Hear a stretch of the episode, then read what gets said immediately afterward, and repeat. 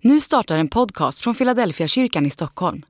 Om du vill komma i kontakt med oss, skriv gärna ett mejl till hejfiladelfiakyrkan.se.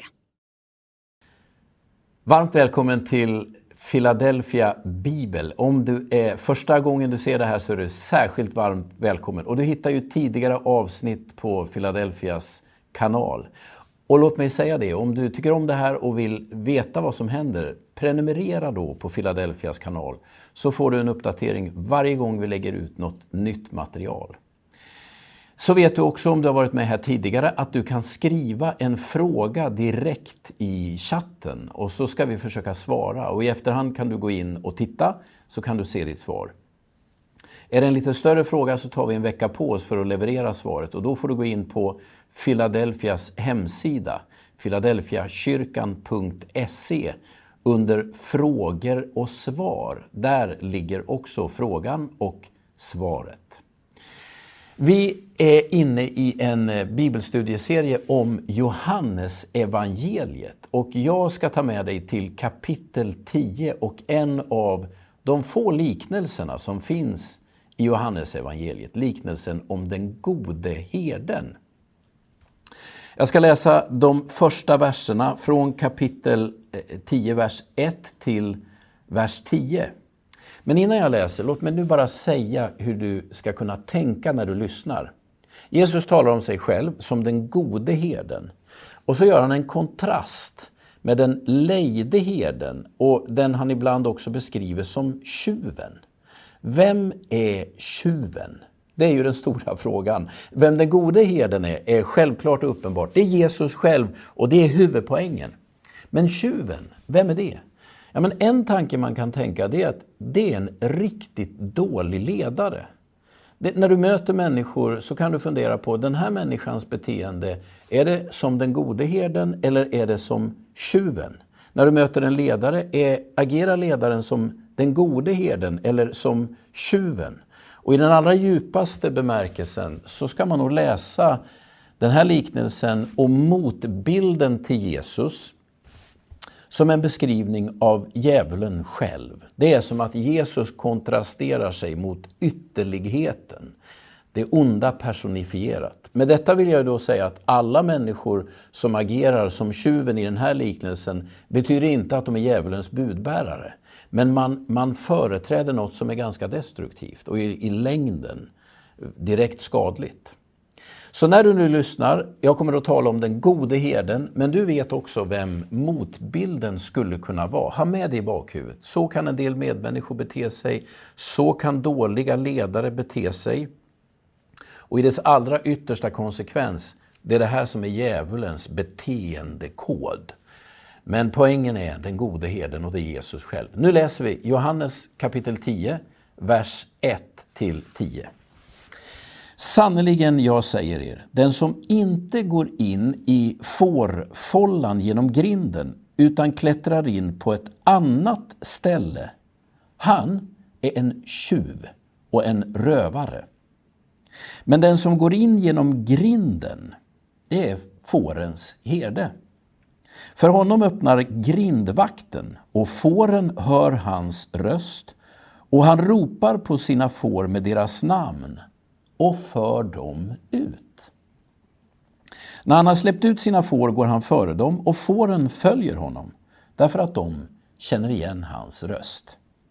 Men en främling följer dem inte utan springer ifrån honom därför att de inte känner igen främmande röster. Denna bild använde Jesus när han talade till dem, men de förstod inte vad han menade. Sedan sa Jesus, sannerligen, jag säger er, jag är grinden in till fåren. Alla som har kommit före mig är tjuvar och rövare, men fåren har inte lyssnat till dem. Jag är grinden. Den som går in genom mig ska bli räddad. Han ska gå in och han ska gå ut och han ska finna bete. Tjuven kommer bara för att stjäla, slakta och döda. Jag har kommit för att de ska ha liv och liv i överflöd. Jesus beskriver sig själv som den gode herden. Där ska jag börja. Och så beskriver han sig själv som grinden. Det är lite förbryllande, men nog så viktigt. Och hela den här liknelsen sätter fingret på vem är Jesus? Hur agerar han? Och låt mig säga direkt, Jesus sätt att agera, det är för mig hela förebilden.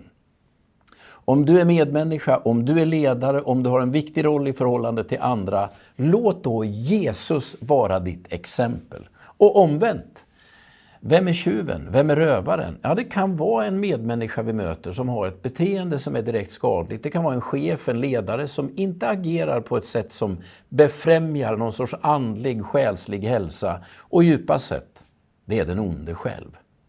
Låt mig bara börja med den sista versen. Tjuven kommer bara för att stjäla, slakta och döda. Jag har kommit för att de ska ha liv, och liv i överflöd. Vi har varit med om inbrott hemma hos oss vid ett par tillfällen. Vi har haft inbrott i bilen och vi har haft inbrott i huset. Och när de gick igenom vårt hus, vi kom hem, hade varit bortresta, så, så kollar vi och inser ganska direkt när man kommer in, någon har varit in i vårt hus. Det är en obehaglig känsla. Man har öppnat alla lådor och letat. Men de har ju inte tagit mina joggingskor, de har inte tagit mina böcker. Utan det tjuvarna har letat efter är ju sånt som snabbt kan omsättas i värde. Finns det pengar? Finns det guldsmycken? De hade tagit några av min frus smycken och sen hade de tagit en bröllopsinbjudan som vi hade fått. För på den hängde två förgyllda plastringar. Så vi skrattade lite grann. Den här tjuven har kanske inte haft det bästa ögat, men de har försökt rafsa åt sig sånt som snabbt kan bli värden. Vad är en tjuv ute efter? En tjuv stjäl värden. När tjuven har varit framme är du fattigare.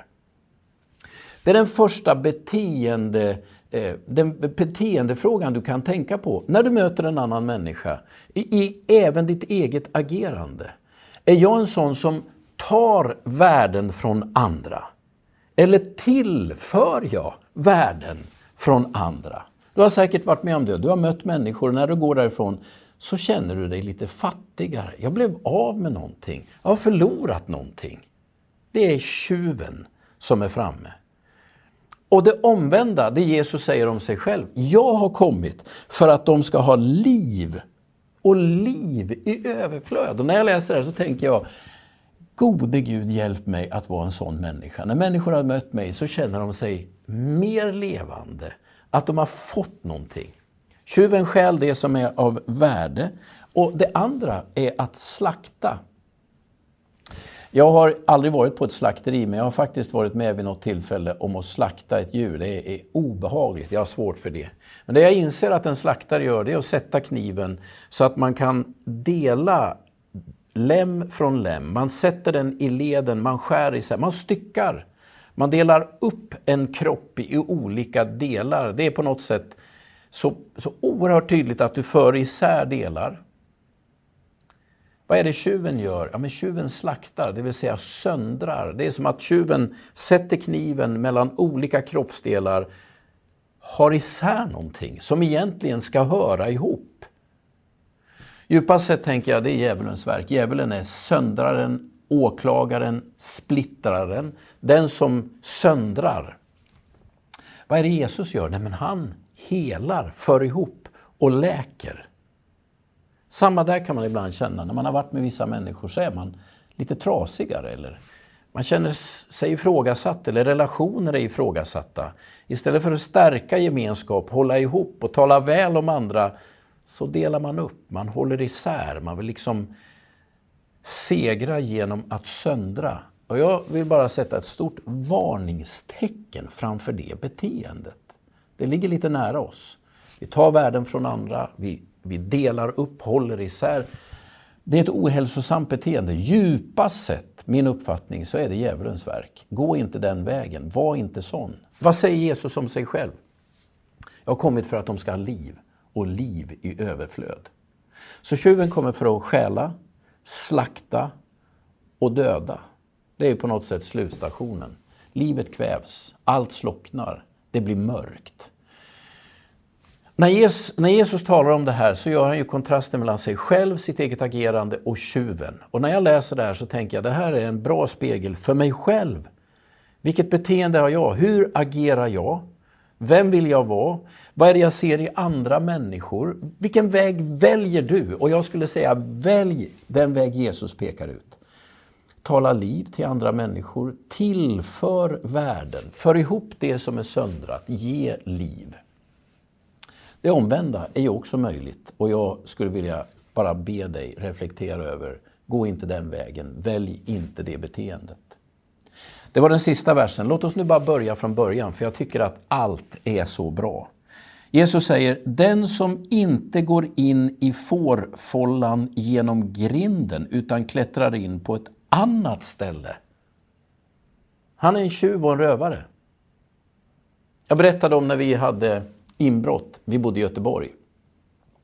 De som hade gjort inbrott hade ju inte kommit till dörren. De hade inte ringt på dörren. För våran, våran eh, dörr var ju upplyst. Där ofta finns, det finns ju en lampa. Den är, den är så att den vetter ut mot vägen. Folk kan se vem som är på väg upp för våran uppfart. Den vägen använder inte en tjuv. Nej, tjuven går en väg som inte syns. Ta sig in på fel ställe.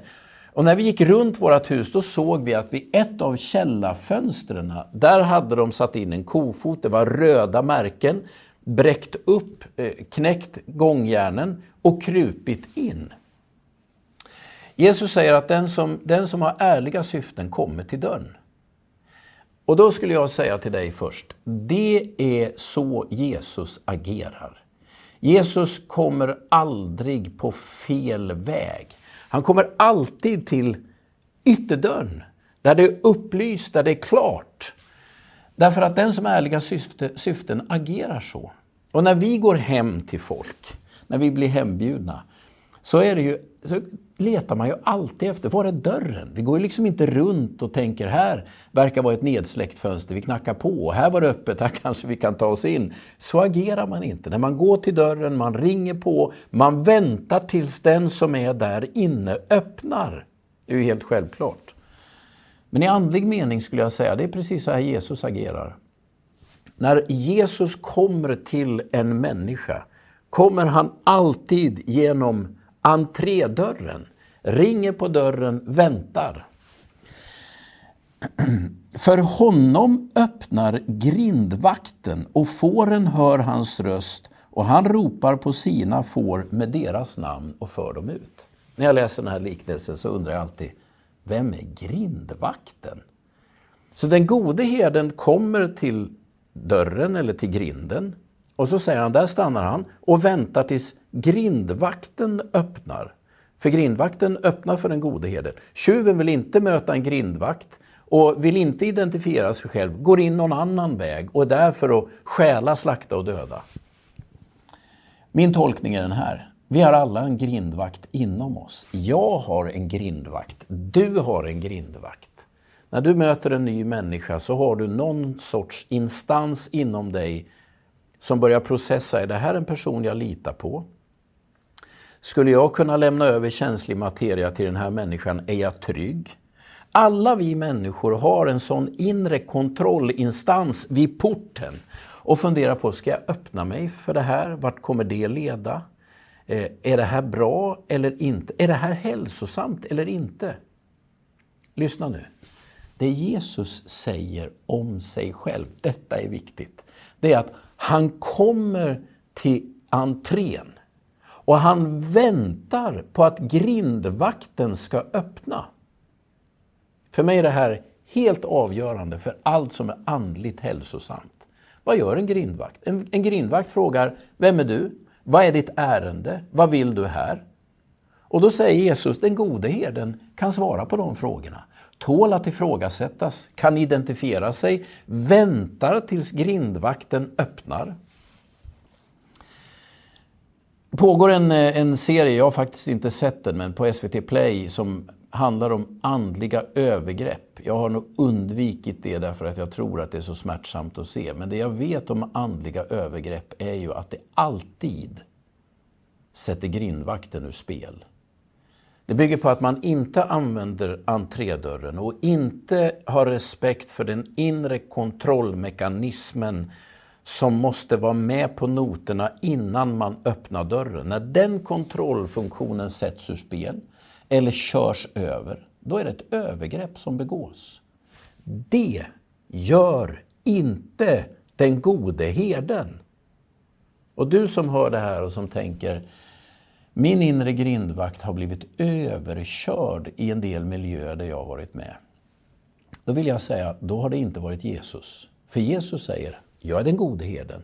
Jag kommer till grinden, för mig öppnar grindvakten. Det vill säga, jag går inte in innan dörren öppnas och den öppnas alltid inifrån.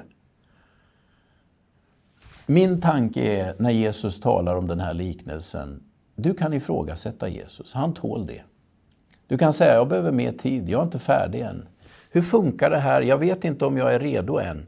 Det är helt okej. Okay. Jesus säger, jag är den gode herden, jag väntar, jag väntar tills grindvakten öppnar. Tjuven tar sig in en annan väg, har helt andra syften. Smyger sig in, ställer till där inne utan att min egen kontrollfunktion har varit med på noterna. Det är ett övergrepp, det är tjuven, det är, är den falska ledaren, djupast sett är det den onde själv. För mig är det jättetydligt när jag läser den här liknelsen. Och för mig som andlig ledare så är det hela tiden eh, någonting att mäta mig mot. Jag vill aldrig agera som tjuv. Jag vill aldrig krypa in bakvägen, försöka lura mig in i människors inre utan att deras egen kontrollfunktion är med på noterna och öppnar dörren. Sann andlighet, hälsosam andlighet, kommer alltid till huvudentrén, väntar alltid på att portvakten öppnar dörren. Det är så Jesus säger, så agerar jag, så agerar en god ledare. Vem är motsatsen? Dåliga ledare, en del bedrägliga medmänniskor, djupast sett djävulen själv. Och vad är slutresultatet? Stöld, slakt och död. En ganska dramatisk liknelse, väl värd att ta på fullt allvar. Och jag skulle vilja säga till dig, till alla oss som, som har varit med som kristna ett tag, här, den här liknelsen borde ge oss råg i ryggen att vara tydliga när vi ska säga nej. Så här agerar inte vi. Så här ser inte sund andlighet ut. Så här kan man inte göra i Jesu namn. Vi behöver bara säga det ibland. Därför att Jesus säger att den gode herden kommer till dörren, väntar på grindvakten. Och så säger han, mina får känner, eller fåren känner igen hans röst. Det vill säga det finns en tydlig respons, ett, en sorts resonans i den människans inre. Jag känner igen det här, det här vill jag, jag är inte tvingad, jag följer själv frivilligt med. Hela den här liknelsen beskriver ju sund och god andlighet, djupast sett Jesus själv. Och alla vi som tänker vi vill gå i hans efterföljd, här har du modellen för hur du ska agera, både som medmänniska och som ledare. Sen kommer den andra liknelsen som är lite förbryllande. När Jesus säger ”Jag är grinden”. Först säger han ”Jag är herden”, sen säger han ”Jag är grinden”. Och så säger han följande. Eh, den som går in genom mig ska bli räddad. Han ska gå in och han ska gå ut och han ska finna bete. Tjuven kommer bara för att stjäla, slakta och döda, men jag har kommit för att ska ha liv och liv är övernog. Det där, det där låter lite märkligt. Är det inte så att man ska gå in i trons port och sen ska man stanna där inne? Så skulle jag ju på ett sätt säga, nej men om du har tagit emot Jesus, bli kvar. Men här säger Jesus, jag är grinden. Och så kan du gå in genom mig. Det är vägen du ska gå. Sen kan du gå in och sen kan du gå ut och så ska du finna bete. Ska man verkligen gå in och ut, fram och tillbaka? Ska man inte bestämma sig? Nej, men nu är jag inne. Nu ska jag inte vara ute mer. Min tolkning av det Jesus säger det är att den som går in genom mig är fri. Han talar inte om olika alternativ att leva. Att leva ett kristet liv eller inte, det är inte det som handlar om att vara innanför eller utanför. Men han, han säger att den som går in genom mig, Det är ingen människa som sen är bunden och låst. Går du in genom mig, sen stängs dörren, du kommer aldrig mer komma ut. Nej, han säger den som går in genom mig, han kan gå in och han kan gå ut och han ska finna bete. Det Jesus säger när han summerar det här, det är att jag har kommit för att de ska ha liv och liv i överflöd. Det här är också ett bra sätt att pröva sin egen tro, sina egna tankar om tron eller sättet tron presenteras på. Förminskar det livet? Gör att jag krymper? Jag blir begränsad, beskuren? Eller är känslan, när jag kommer i kontakt med Jesus, då ökar frihetsgraden. Jag är friare i tanken, jag är friare i hjärtat, jag andas lättare och jag känner att jag får näring. Jag finner bete, jag får mättnad. Det här fyller mig med någon sorts tillfredsställelse och kraft. Så presenterar Jesus sig själv. Han beskriver inte en låsning, ett mindre liv, ett tajtare liv där man är begränsad. Han säger, när du väl kommer in genom mig så kan du gå in och du kan gå ut och du ska finna bete. Du är fri. Jesus sätter dig fri. Det betyder naturligtvis inte lev som du vill, gör som du vill. Det är inte det Jesus talar om. Men han beskriver en ökad frihetsgrad. Inte en ökad begränsning. Större rörlighet, mer mod, mer och fler möjligheter, ökad trygghet och ökad tillfredsställelse. Den här liknelsen som jag har talat om idag, jag ska avrunda nu, den är för mig så avgörande för att förstå vad är sund andlighet? Det är det Jesus talar om. Hur ser det ut? Jesus säger, jag kommer till porten, jag väntar på grindvakten, fåren, de där inne, känner igen och, och följer frivilligt mig. Och så säger han, jag är grinden. Den som går in av mig är en fri människa, inte en bunden människa. Jag stjäl inte, jag, jag kör inte sönder någonting, jag dödar ingen, jag har kommit för att ge liv i överflöd. Jag hoppas att det här ger dig några, för mig då i alla fall, oerhört grundläggande tankar om andligt ledarskap. Djupast sett, vem är Jesus? Och vilka beteenden ska jag försöka undvika? Och jag kan vara ärlig och säga, jag lyckas inte alltid. Det finns det finns eh, skuggan av en tjuv i mig. Det finns hela tiden en tendens att vilja gå genvägen, ta källarvägen. Gör inte det. Låt människor ha tid att ifrågasätta. Låt människor känna det är helt okej okay att vänta. Tryck dig inte på någon annan. Ha alltid respekt för grindvakten, den på andra sidan som kör identitetskontrollen. Det är alltid avgörande att respektera den. Vänta på gensvaret från den människa du talar med. Tryck dig inte in. Det här är goda råd, djupast sett. Det är så här Jesus agerar, så här ser sund andlighet ut. Jag hoppas att det här kan ge dig några viktiga tankar inför framtiden. Innan jag avslutar den här kvällen, låt mig bara be en välsignelsebön för dig. Vi ber tillsammans. Jesus, tack för att du är den gode herden och du är också den verkliga grinden. Du tvingar dig inte på någon, du tål att ifrågasättas. Du har respekt för varje människas egen inre bedömningsförmåga. Och det är när vi själva känner igen din röst som vi själva frivilligt följer dig. Jag ber att hela den här kodningen ska sätta sig djupt i kroppen på mig själv och på varje andlig ledare, på alla oss som tror på dig och vill följa dig. Hjälp oss att ha med det här när vi möter människor i vår vardag, när vi agerar som ledare. Vare sig vi är i arbetsliv, i, i familj eller i kyrka. Hjälp oss att vara goda herdar. Och så vill jag be en bön för den som har mött en dålig herde, en tjuv eller en rövare. Jag ber om läkedom och helande och jag ber om ett möte med dig som ger friheten och glädjen tillbaka. Välsigna oss, vi ber om det i Jesu namn. Amen.